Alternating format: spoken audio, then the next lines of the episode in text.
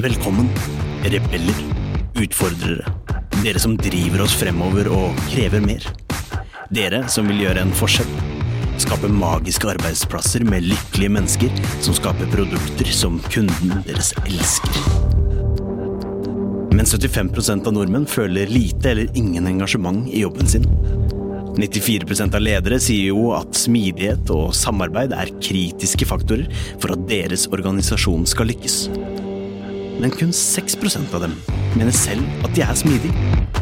Dette er podden som vil inspirere, gi deg konkrete tips og verktøy som vil hjelpe deg med å skape endringsdyktige organisasjoner med høyt engasjerte og motiverte ansatte som lager uslåelige produkter. Med Smidig-coachen, kurs- og foredragsholderen Ida Kjær. Ved sin side har hun kurs- og foredragsholderen, smidigtransformatøren og topplederen Tobias Falkberger.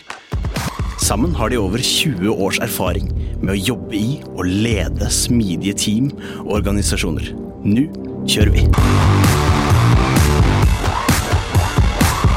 Velkommen til en ny episode av Smidigpodden. Det er episode nummer 34 i dag, og vi har en superspennende gjest, og det er onsdag. Det er onsdag. Vi har klart det. Vi har faktisk andre onsdagen, ikke på rad, for det har vi ikke sagt, utan andre onsdagen med en onsdag imellom. Ja, Så det er 100 suksessrate. Yes. Så hvis dere ikke trodde på oss før, så kanskje dere tror på oss nå, at Smidigpodden kommer ut hver annen onsdag, der du hører på podkast. Men i dag så er det ikke hvilken onsdag som helst, for Nei. det er jo også meetup-onsdag. Så hvis dere er en sånn lytter som er liksom kaster på pod episoden så fort den kommer ut, så har dere faktisk mulighet til å trykke på pause og bli med på meetup. For i dag, onsdag kveld, så Klokken 18.00. 18.00 så kommer førre episode sin gjest, Pia-Mia Thorén og Tobias Falkberger himself på den digitale scenen for å dra et litet smidigshow. Så hvis man har lyst til å bli med på det, så er det fortsatt mulig. Ja, det er bare å trykke på linken under og melde seg på. Det skal man gjøre. Og i dagens episode så har vi ingen mindre enn Lars Rinnan. Det er helt riktig. Lars han er det man kaller for en god gammeldags seriegründer. Og han er eh, per dags dato CEO av Amesto Next Bridge. Og han er Framtidsvisjonær, Ja, foredragsholder og inspirator. Ja. Eh, ser på fremtiden som veldig positiv. Ja. Og har veldig mye interessante både fakta og forskning, men også gode, spennende Refleksjoner, refleksjoner. Så i dagens episode så snakker vi litt om hvordan de arbeidsplassene vil se ut i fremtiden, hvilke jobb som vil finnes kvar, hvilke som kanskje vil forsvinne, og hva det påvirker oss. Og vi kommer også inn på litt samfunnsendringer i stort sett, og man kan vel kanskje si at det her kan jo fremtvinge kanskje litt mer smidig verdisett og menneskesyn også stort. Det er kanskje ikke noe man tenker på når man tenker om robotisering og artifisiell intelligens og fremtiden. ikke sant? Det er kjempespennende. Og det, er, det setter jo i gang utrolig mye tanker. Kan, man, kan smidig eksistere på et større på måte, nivå enn bare organisasjoner? Kan det øh, nå ble det mye rare ord her på en gang. Kan det eksistere på samfunnsnivå, f.eks.? Mye, det og mye mer får dere svar på i dagens episode. Ja. Så med det så tenker jeg at vi eh, kan hoppe videre, og da er det jo sånn at eh, det er vel kanskje ikke så stort i Norge, men ganske stort. Jo, det er ganske stort. Det er jo Black Week og eh, Black Friday på Friday. Ja. På fredag. Eh, Og det betyr at vi på Smidigpodden også må kjøre en liten kampanje. Kampanje, vi må det. Så vi kjører en liten kampanje igjen på kurset vårt. Eh, Fantastisk pris som alltid. Lenken finner dere der dere alltid finner lenkene, og det er i beskrivelsen. Og som Ida pleier å si, vi lenker til lenkene i lenkebeskrivelsen. Eh, Og med det så tenker jeg vi kaster inn oss i episoden med Lars. Yes. Here we go. Unnskyld at jeg forstyrrer deg midt i denne superspennende episoden, men jeg må bare fortelle deg noe. Forresten, det er meg, Arvid, fra introen. Er du en som ønsker å utfordre, drive oss fremover og kreve mer? Gjøre en forskjell og skape magiske arbeidsplasser? Men du bare vet ikke helt hvordan. Da har jeg noe som kan hjelpe deg. Tobias og Ida har laget et kurs. Kurset gir deg forståelsen og den smidige tilnærmingen du trenger for å tenke nytt om de organisatoriske byggeklossene, strategi, mennesker, prosess, struktur og teknologi. Lenke til kurset finner du i episodebeskrivelsen. Velkommen til oss, Lars. Takk for det. Veldig hyggelig å bli invitert. Ja, så bra. Det var så hyggelig at du kunne komme til oss. Har du lyst til å starte med å fortelle litt om deg selv? Ja, det, det kan jeg godt. Um, jeg jobber egentlig med å, å skape framtiden. Uh, det syns jeg er en sånn fiffig måte å presentere seg på. da. uh, og Det betyr egentlig at uh, jeg leder et konsulentselskap som heter Amesto Nextbridge. Som jobber med business intelligence og artificial intelligence. Mm. Og, og, særlig det siste er veldig sånn framoverretta. Mm. Så mye av det vi holder på med hver eneste dag, er jo ting som folk tror er science fiction men som ikke er science fiction. Det er bare science. Så det Ja, hva skal jeg si om det selskapet? Det er 40 stykker der. Eh, nesten halvparten har en doktorgrad. Eh, så det er liksom ingen tvil om hvem som er den, som er den dummeste i det selskapet. Han, han sitter på podkast i dag. Noen må ha den rollen òg. Men det er viktig å, viktig å ansette gode folk. da. Man må jo ansette folk som er flinkere enn seg selv. Ellers så, ellers så blir det bare en nedadgående spiral. Så jeg prøver å gjøre det. Og så langt syns jeg jeg lyktes veldig godt med akkurat det. Så det, det er liksom kort om meg selv og kort om, kort om ja. selskapet. Ja, så bra. For det er jo litt derfor du er i dag. Vi skal snakke litt om fremtidens arbeidsplass. Fremtiden er ganske vanskelig å forutse. Helt umulig, faktisk. Ja, men vi har jo noen tanker, kanskje? Vi har noen tanker. Ja. Jeg tror vi har noen tanker. Men, men, det er jo ikke sikkert at det stemmer. Nei. Og Det er jo det som er. ikke sant? Det er ingen som vet hvordan det blir i framtiden. Og spesielt hvis du begynner å se ganske langt fram, så er det jo ingen som vet. Mm.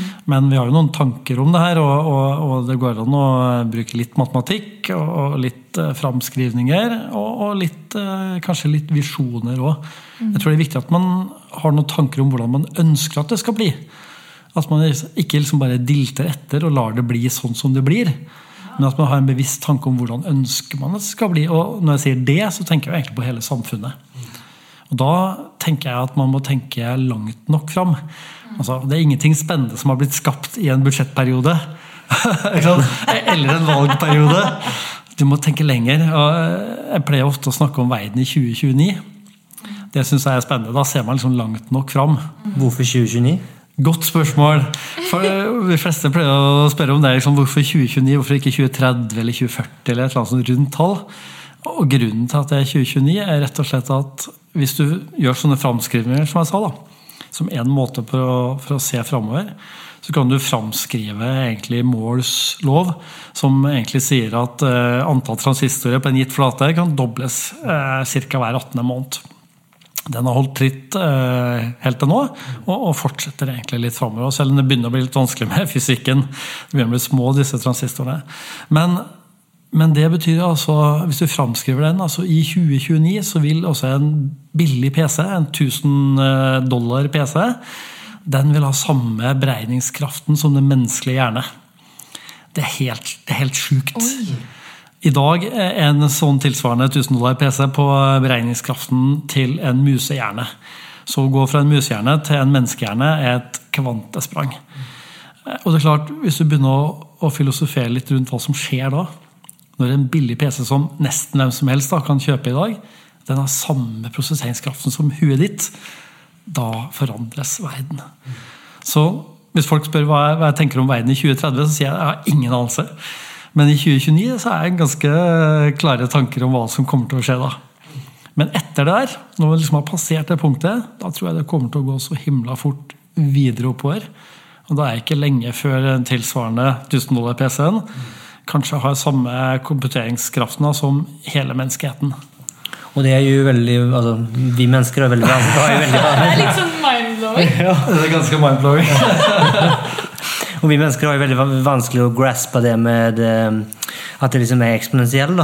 Ja. For vi tenker at alt er lineært. For jeg vet ikke hvor vi kommer fra en liksom lineær tankemåte. Så at liksom at eh, for å skjønne hva det innebærer, at det faktisk dobler seg, er jo ganske vanskelig. Det er kjempevanskelig. Altså, vi mennesker tenker jo lineært, som du sier. Mm. Vi, vi, har vært vant til å tenke lineært. Vi har alltid tenkt lineært og, og, nært. Vi er oppvokst på savannen. Alle, alle farer var veldig nært. Vi forholdt oss ikke til stammen som var fem kilometer unna engang, for det var for langt unna. Eh, og så har jo ikke hjernen vår fått en oppdatering siden da. Det er jo den samme hjernen, ikke sant? Mens verden har forandra seg utrolig. Så det å skjønne en eksponentiell utvikling, da, det er kjempevanskelig. Jeg pleier å, Hvis jeg holder noen foredrag om det her, så pleier jeg ofte å, å, ta et eksempel som folk kanskje kan skjønne litt mer. Altså Hvis du tar 30 skritt, og hvert skritt er ikke sant, 30 eh, skritt, hvor, hvor langt kommer du da? Da kommer du sånn ca. 30 meter. ikke sant? Så litt sånn skrittlengde. En mann, stor mann. 30 meter. Hvis du tar, Det er den lineære tankegangen. ikke sant? Hvis du tar 30 eksponentielle skritt, hvor det dobles for hver gang 1, 2, 4, 8, 16, 32 Hvor langt kommer du da? Ja, ikke sant? Da kommer du altså 26 ganger rundt ekvator. Ikke sant? Det, det er helt sinnssykt. Og Det er forskjellen liksom, på, på, 30 meter og 26 ganger rundt ekvator. Mm. Det er forskjellen på den lineære tenkningen og den eksponentielle tenkningen. Mm. Så, og, og, teknologien eh, går beviselig eksponentielt. Det vet vi jo. Mål så har vært der siden 58, eh, så det går den veien.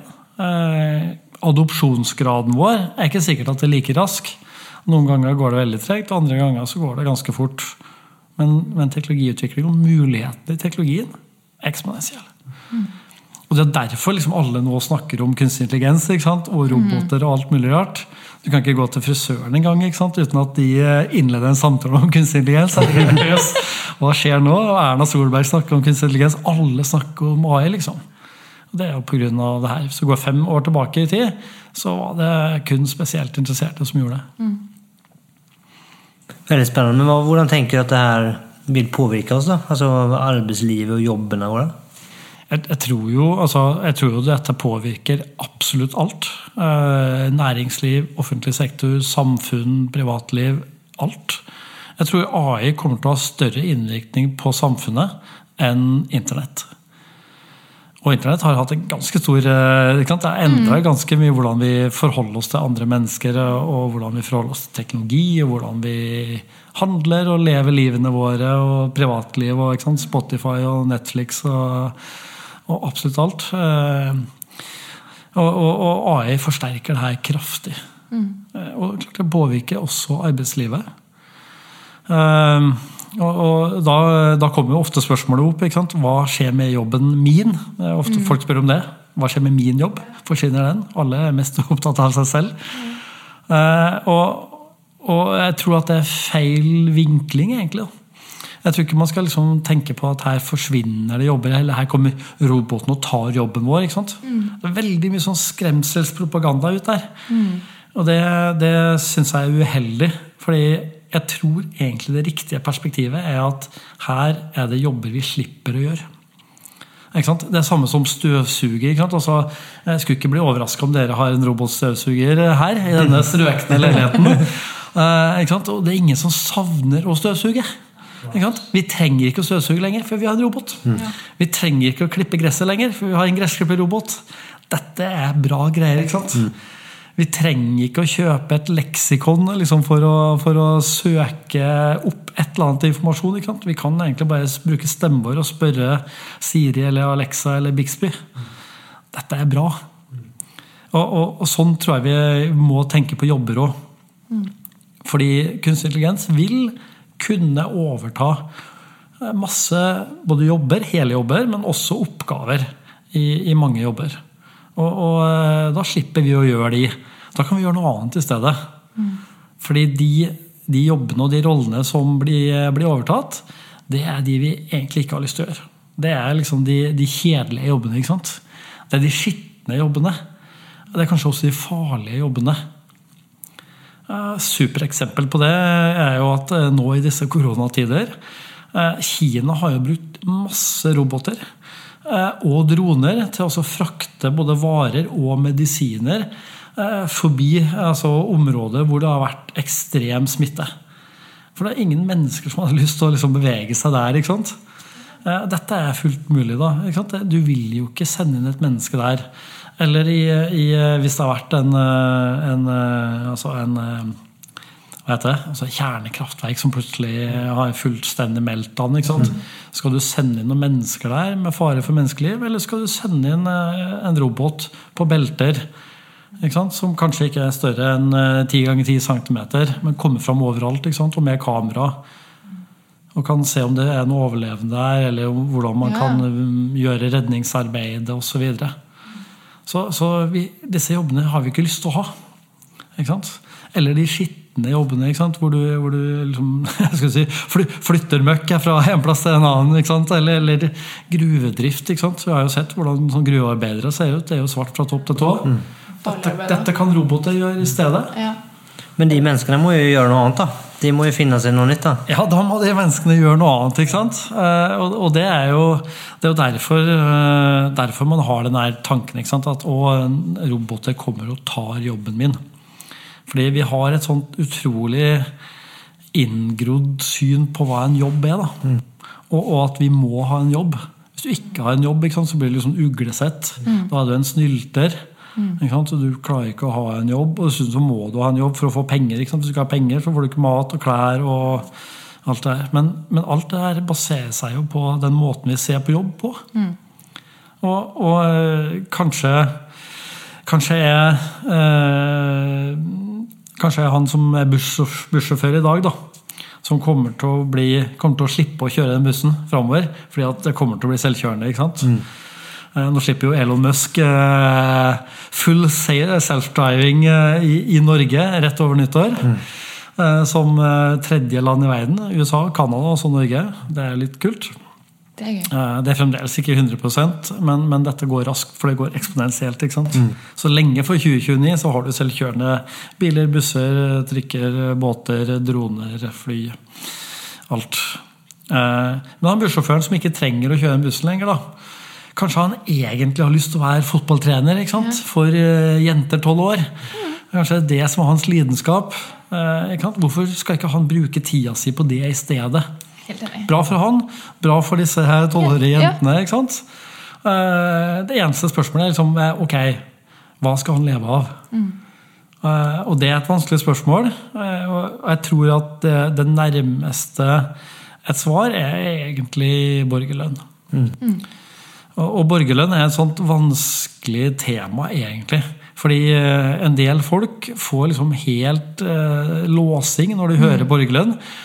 Skal, skal noen få gratis penger? ikke sant? Dette passer jo ikke inn i uh, samfunnet vårt, hvor alle må først uh, yte og så nyte.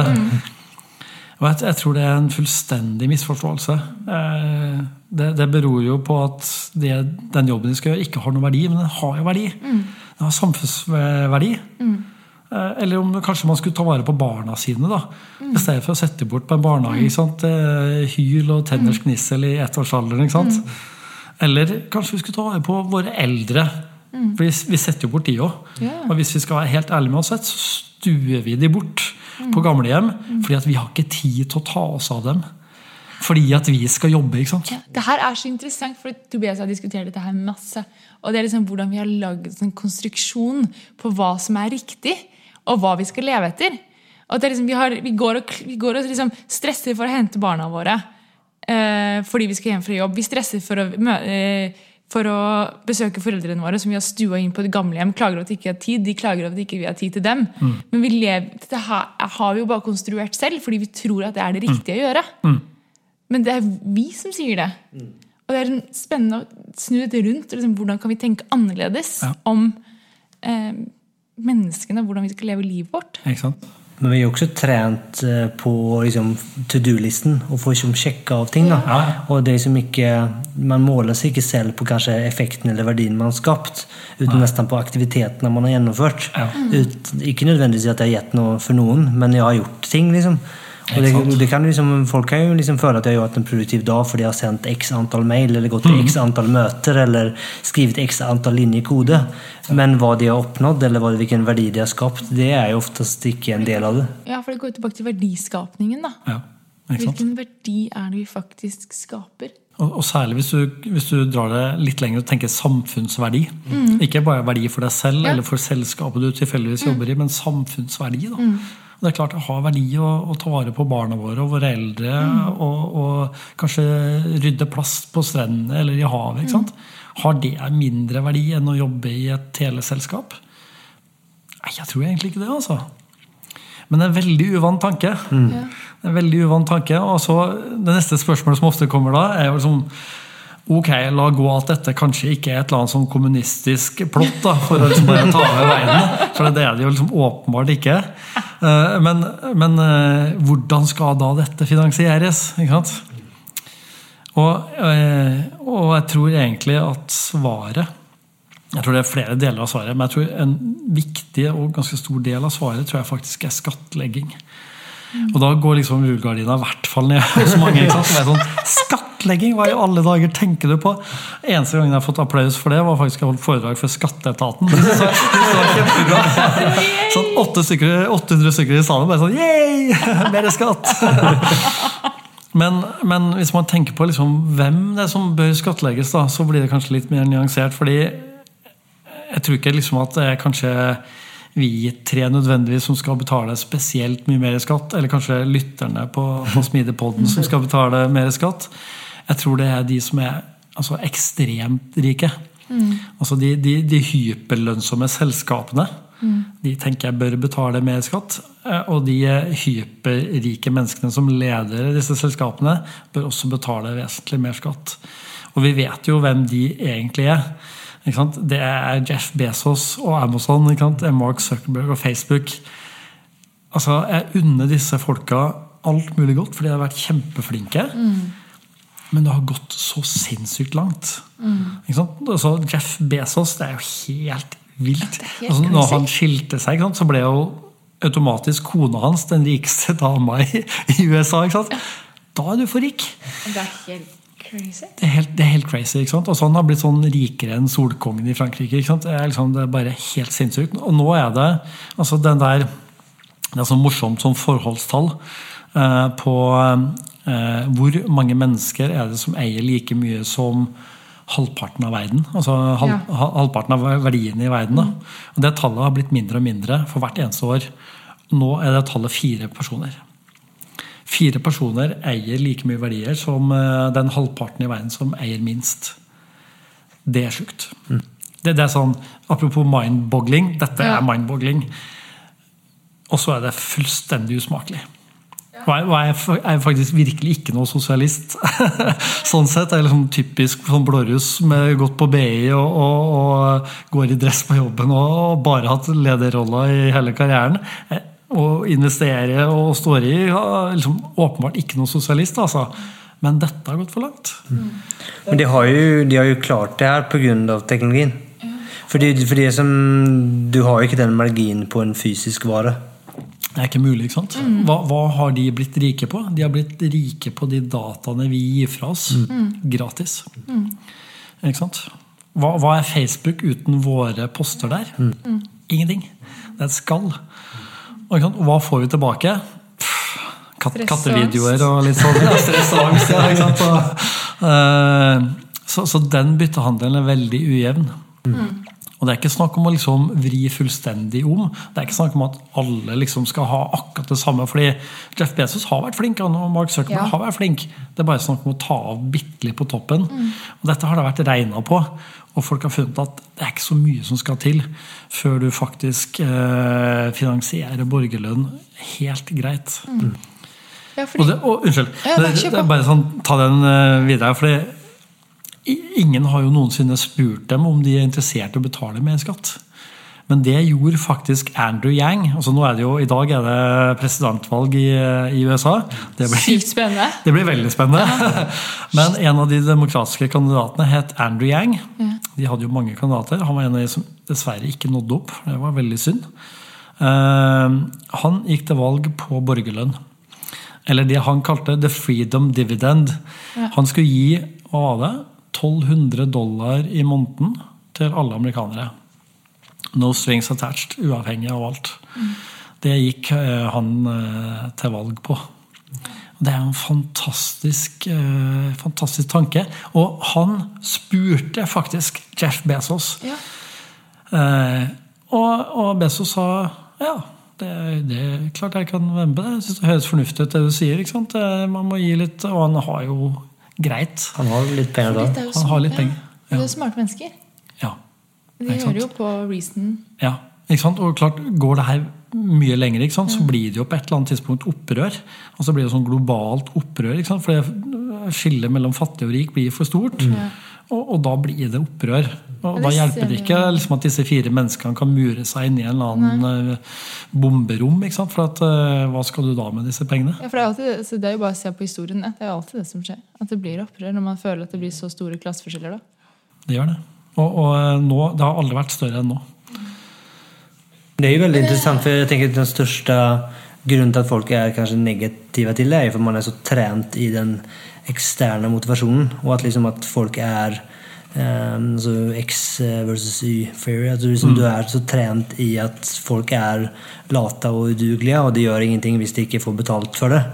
Men hvis man klarer å se at men det kanskje ikke nødvendigvis er sånn det är så er det liksom enklere kanskje å se at ja, men, hvis folk ikke trenger å tenke på at de skal må jobbe for å få mat, utan det faktisk kan det er liksom det er ikke et problem lenger, og de kan faktisk fokusere på andre ting og er liksom selvmotiverende, så er det ganske interessant å se hva det hadde skapt da, når du faktisk liksom setter den kreativiteten fri. da. Det er helt vanvittig vet du, hva det ville ha skapt. Altså Hvis du har liksom fjerna, fattigdom, faktisk, med det.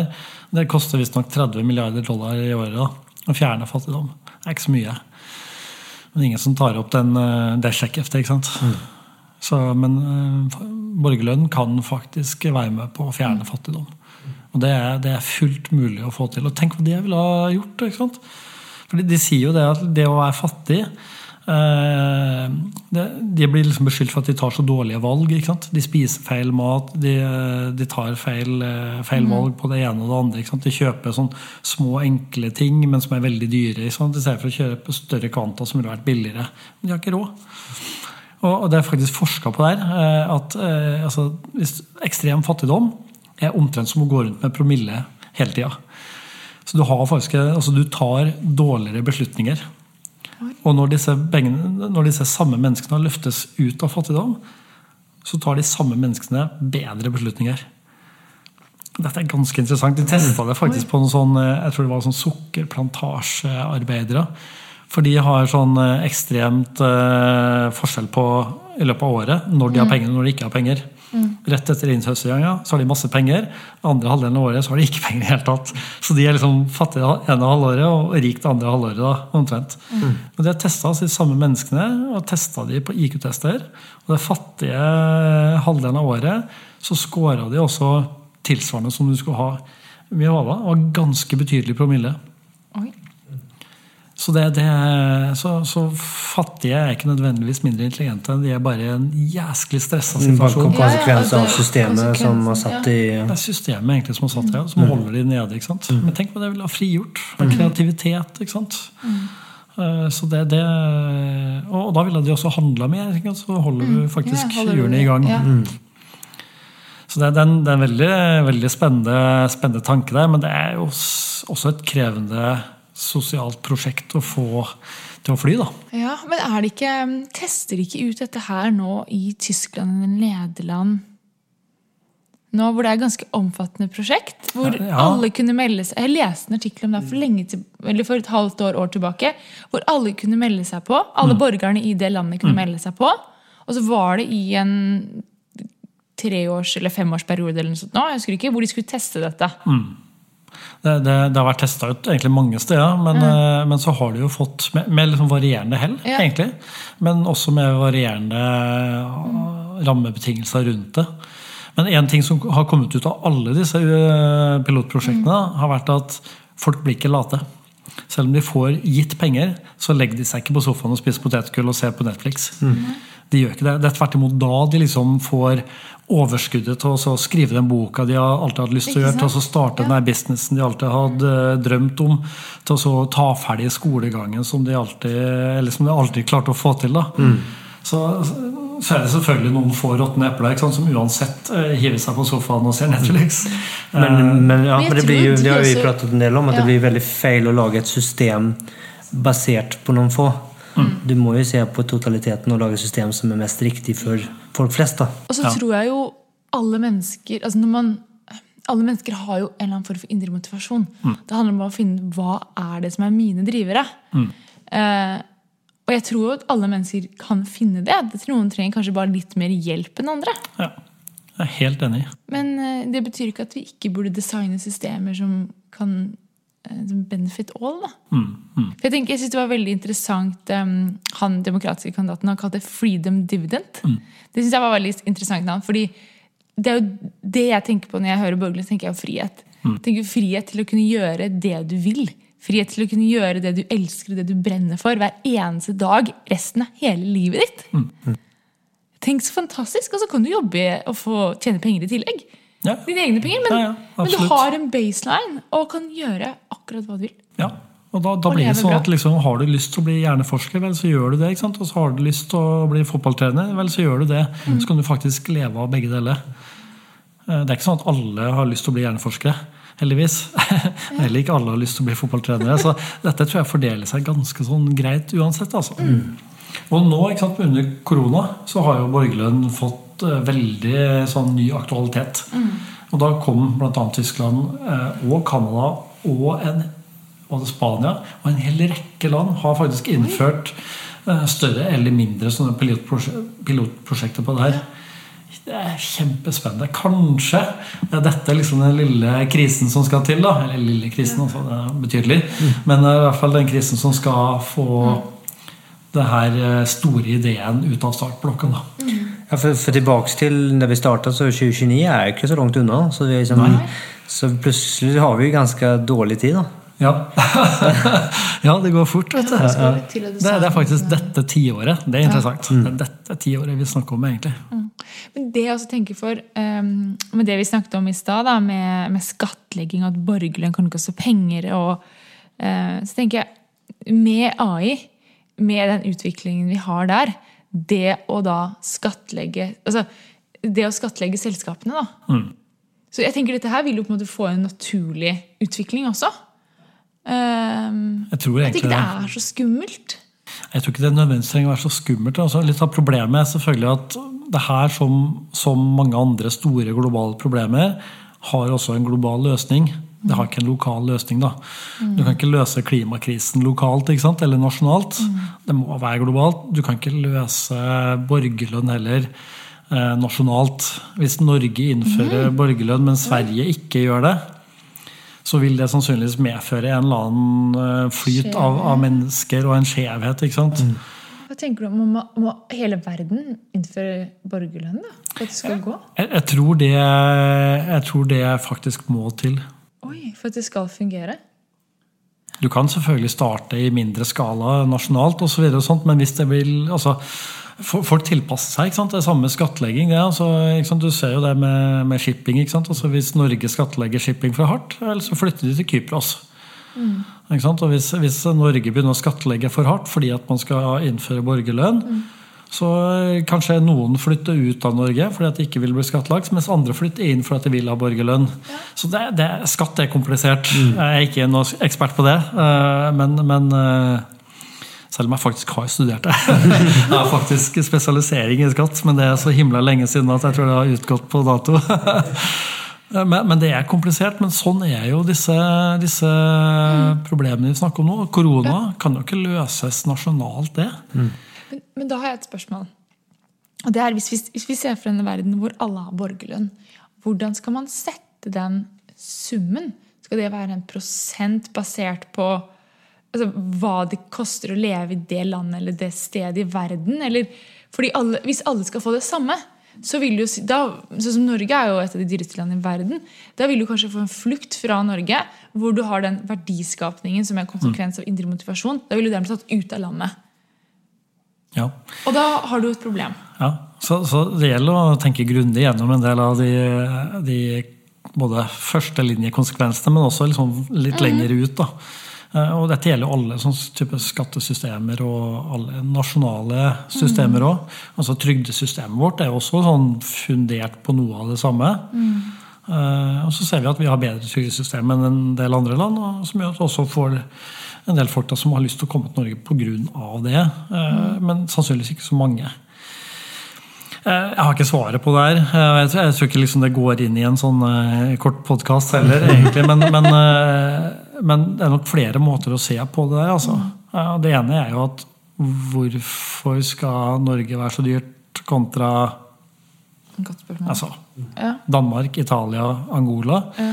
Eh, Eller om man eh, sier at ok, sånn er det bare, eh, og at man tilpasser da nivået til Sånn at du har en, en eller annen slags sånn type kjøpekraft. altså Det er en sånn kjøpekraftparitet eh, globalt sett. Vil sannsynligvis medføre noe mobilitet, men ikke, ikke sånn problematisk, vil jeg tro. da. Men det er klart, her er det, det må åpenbart smartere mennesker enn meg inn i, inn i bildet på, på det her. Men jeg er veldig skuffa over at ingen norske politikere snakker om borgerlønn. Det syns jeg, jeg synes det er unnfallenhet, egentlig. Men hvis man sitter og hører på podden her og tenker oi, det her skjer det, skjer det mye greier på ganske kort tid. Hvordan, liksom, hva tenker du har noen tips på liksom, hvordan man kan eh, rigge seg for å liksom, håndtere denne framtiden på, på en bedre måte? Ja, det er jo et godt, godt spørsmål. eh, det henger jo litt sammen med det store spørsmålet som mange spør om. Hva, skjer med, hva skjer med jobben min, og hvilke jobber eh, trenger man ikke å gjøre? Og hvilke, hvilke vil vi fremdeles trenge mennesker til? Jeg pleier, å, jeg pleier å tegne opp en liten sånn to ganger to-matrise. på der. Konsulenter elsker to ganger to-matriser. ikke sant? Det kan brukes hva som helst. De Det er åpenbart overforenkla, men, men det gir nå i hvert fall et, sånt, et litt sånn navigasjonssystem. da. Eh, Så tenker at du På den ene aksen så har du kognitiv, altså du gjør ting med hodet. Og, og eh, andre enden så gjør du en manuelt. Du gjør ting med henda. Eh, Andre aksen så er det rutine og ikke rutine.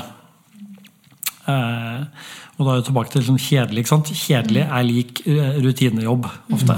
Du gjør det samme dag ut, dag inn, hver dag. Og, og i den kvadranten hvor du har liksom manuelle rutinejobber, det er typisk sånn som vi ikke vil trenge å gjøre framover i tid. For der vil teknologien kunne gjøre det for oss. Vi nevnte bussjåfør. Typisk en av de. Det er liksom, du kjører den samme ruta hele veien. Dette, dette kan eh, overtas.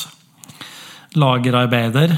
Eh? Vi nevnte Amazon. Amazon har over 100 000 roboter på lagrene sine. De har nesten ikke mennesker der.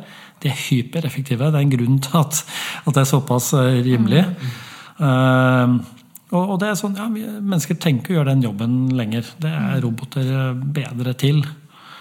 Så der vil det liksom i stor grad være kunstig intelligens som, som gjør jobbene, og mindre grad uh, mennesker.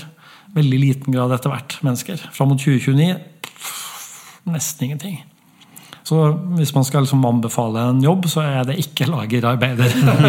eller bussjåfør. Eller noe annet som slutter på sjåfør. Og så har du den andre kvadranten hvor du har rutine, men kognitivt. Du bruker huet, men du gjør egentlig akkurat det samme. Det, det er regelstyrt, eh, repetitivt. Regnskap, f.eks. Veldig enkelt å automatisere. Det blir jo automatisert as we speak i dag. Så, så jeg ikke ville anbefalt noen å bli regnskapsmedarbeider heller. Eh, Men spørsmålet er liksom, blir, da, blir de eh, overflødige?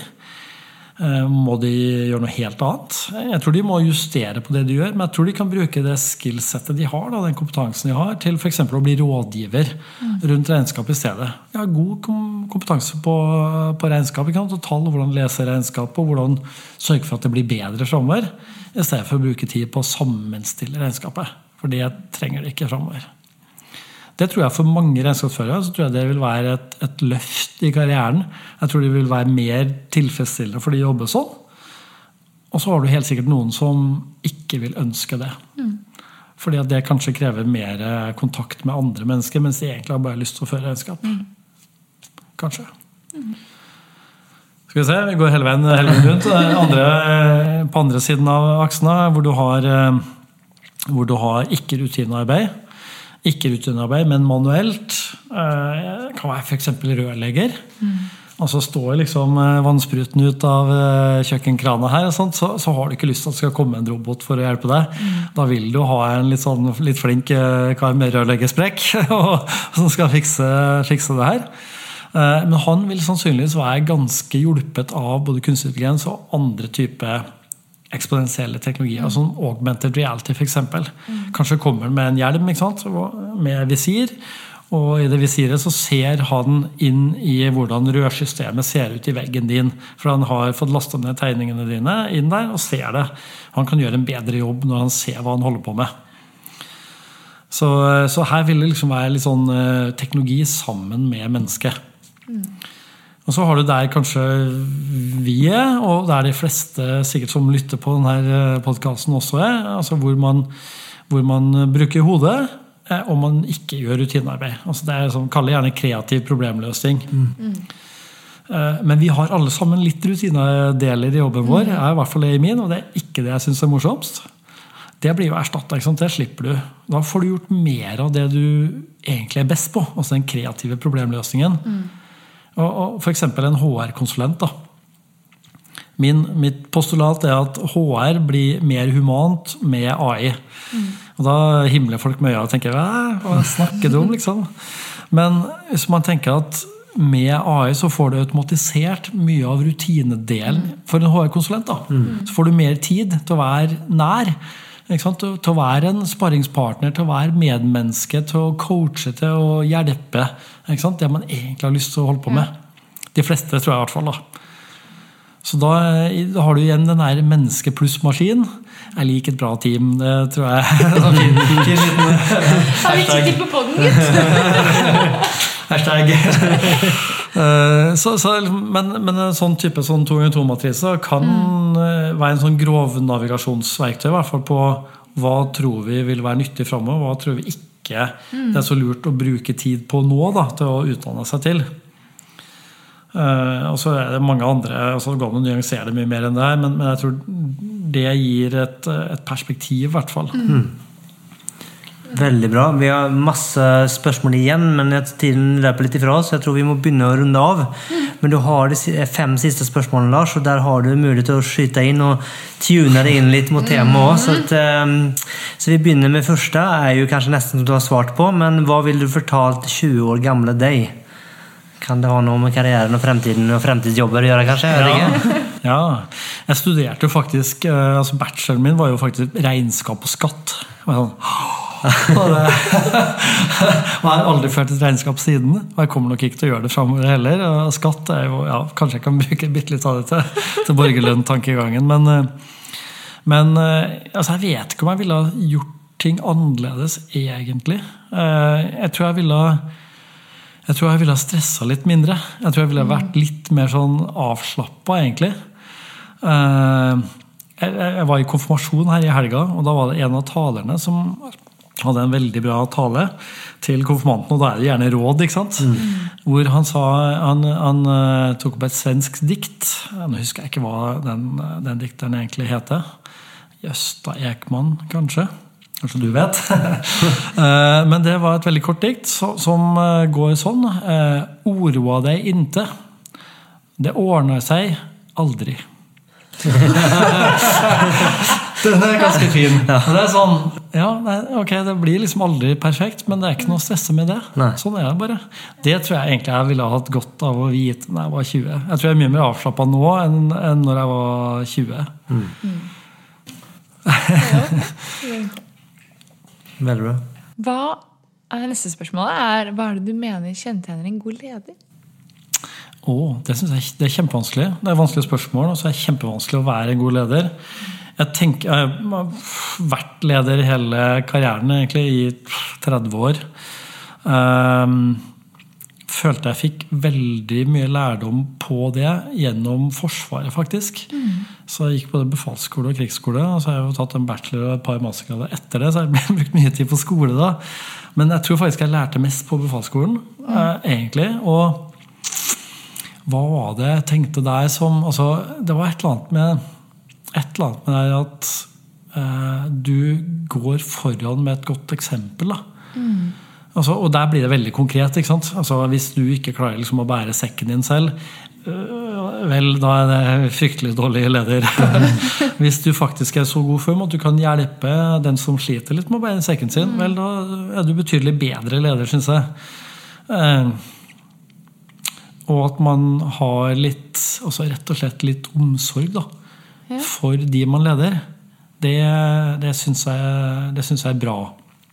Jeg så eh, han godeste hva heter han, eh, Simon Sinek. Han er jo litt guru. Jeg syns han er utrolig kul. Da. Han, og han har en veldig fin måte å legge fram ting på. eh, Men han har lært, han han har lært mye av Forsvaret, tror jeg. faktisk. Ja. Han har en bok Er det en bok? Jeg tror det er en bok som heter 'Leaders Eat Last'. Mm. Å, jeg er veldig glad i den boken. Ja, ikke sant? Eh, og det er akkurat det. Det er akkurat det. Det er liksom den samme omsorgen som du har for barna dine. ikke sant? Altså Du sørger for at de spiser før deg. ikke sant? Hvis du har bare akkurat så mye mat, så er det de som får, og eventuelt ikke du. Det syns jeg, det synes jeg er bra. Det syns jeg er en bra ledelsesfilosofi. Det er litt sånn oppfølgingsspørsmål på den. Når du tenker sånn inn i fremtiden og den endringen som skjer. Om man liksom er leder, hva nå tenker du at man burde noe skillset eller noe man burde liksom ha mer fokus på for å kunne liksom håndtere at vi Altså den eh, automatisere, det ting som kan bli automatisert, måtte forsvinner, og det er liksom, vi står igjen med mer eh, problemløsning og dype ting. Er det noe man burde tenke på rundt ledelse der? Jeg, jeg tror det helt klart påvirker ledelse, eh, og, og vil påvirke alle, alle arbeidsplasser òg. Altså, man, man kan jo kanskje tenke at det går litt i den retninga at altså, de enkle tingene blir automatisert bort, og det mer komplekse blir gjort av mennesker. Og at det betyr at de menneskene som gjør den type ting, da, altså det vi kaller jobber i dag, mens de andre la oss kalle oppgaver. da. Hvis, hvis det er en oppgave å lære bort fotball og rydde plast og ta vare på på våre barn og våre eldre, eh, så, så tenker jeg at de som, de som blir igjen på den jobben, de er da eh, altså enda mer sånn type mm, high achievers. eh, Kanskje altså enda, mer, enda bedre utdanna. Kanskje høyere IQ, men ikke nødvendigvis. Eh, Jeg tror, være, jeg tror de vil kreve mye mer autonomi. Mm. De vil, de vil kreve en, en leder som, eh, som ikke bruker tid på å kontrollere. Eh, Og som micromanagement. og Det er for ingen som liker det, da, men spesielt ikke den kategorien der. Eh, Altså Micromanagement overfor mine folk, f.eks., liksom, med doktorgrad i astrofysikk og alt mulig rart, det er bare å glemme. Det, da får du høre akkurat hvor det skapet skal stå. Altså. Så det, jeg, tror det vil kanskje gå litt i den retningen der. Eh, og så tror jeg kanskje at det vil kreve at man er litt mer eh, Altså litt mer dristig, kanskje. Tør å ta litt mer sjanser. Eh, og, og kanskje er det faktisk viktigere med EQ enn IQ.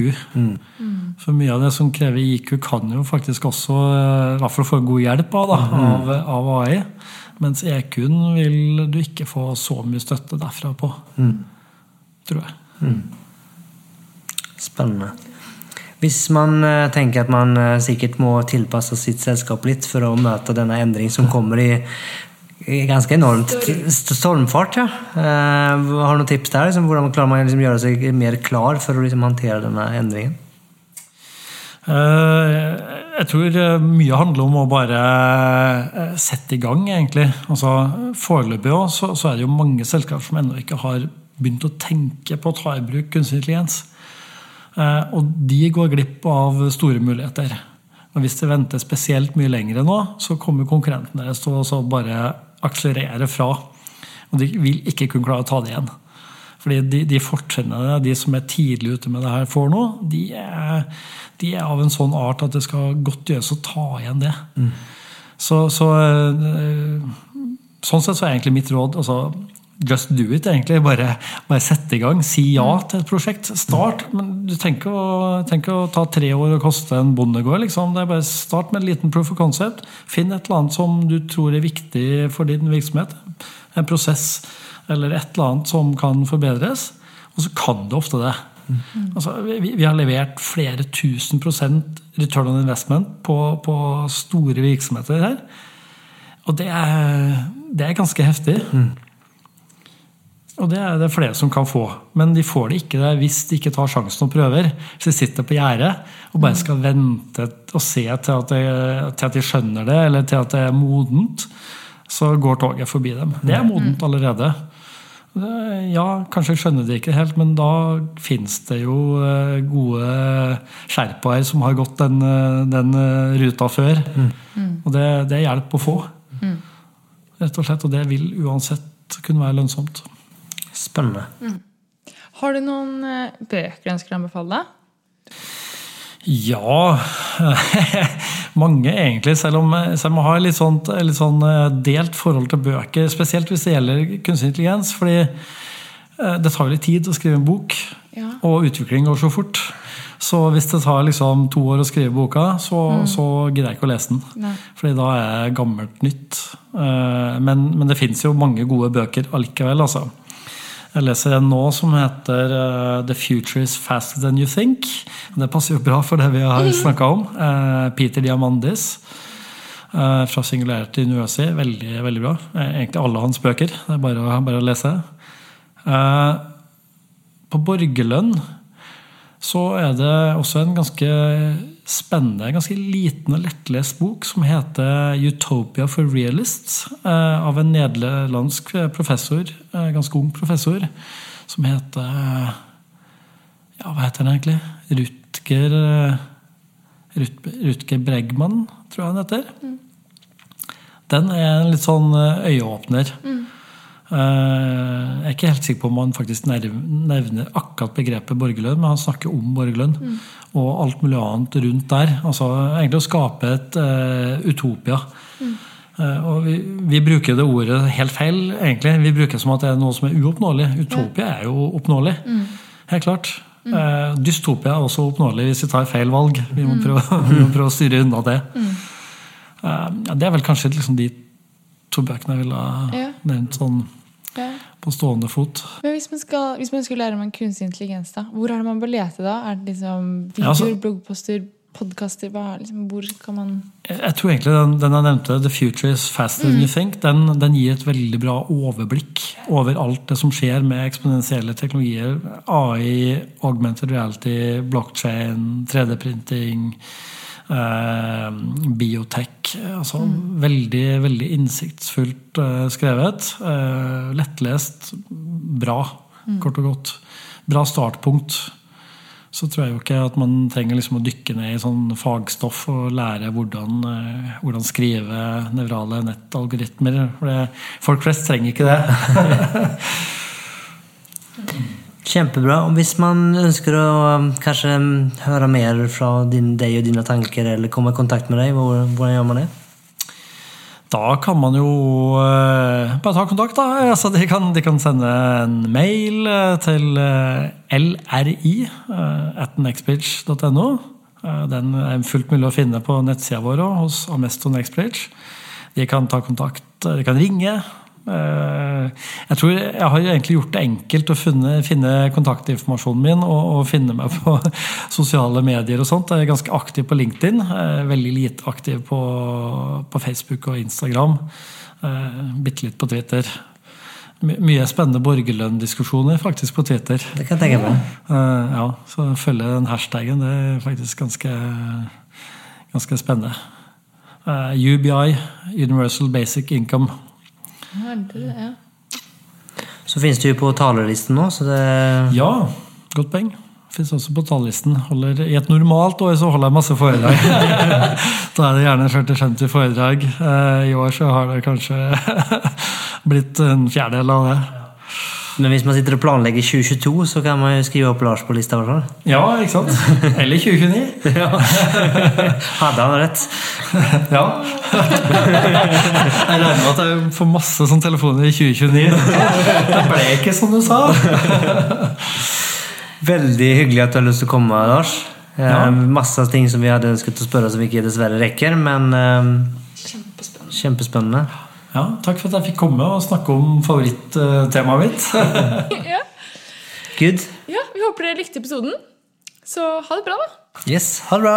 Ha det. Tusen takk for at du lyttet på denne episoden av Smidpodden. Dersom du likte det du hørte, så abonner på Smidpodden, da vel. Da får du masse mer av denne type innhold i fremtiden.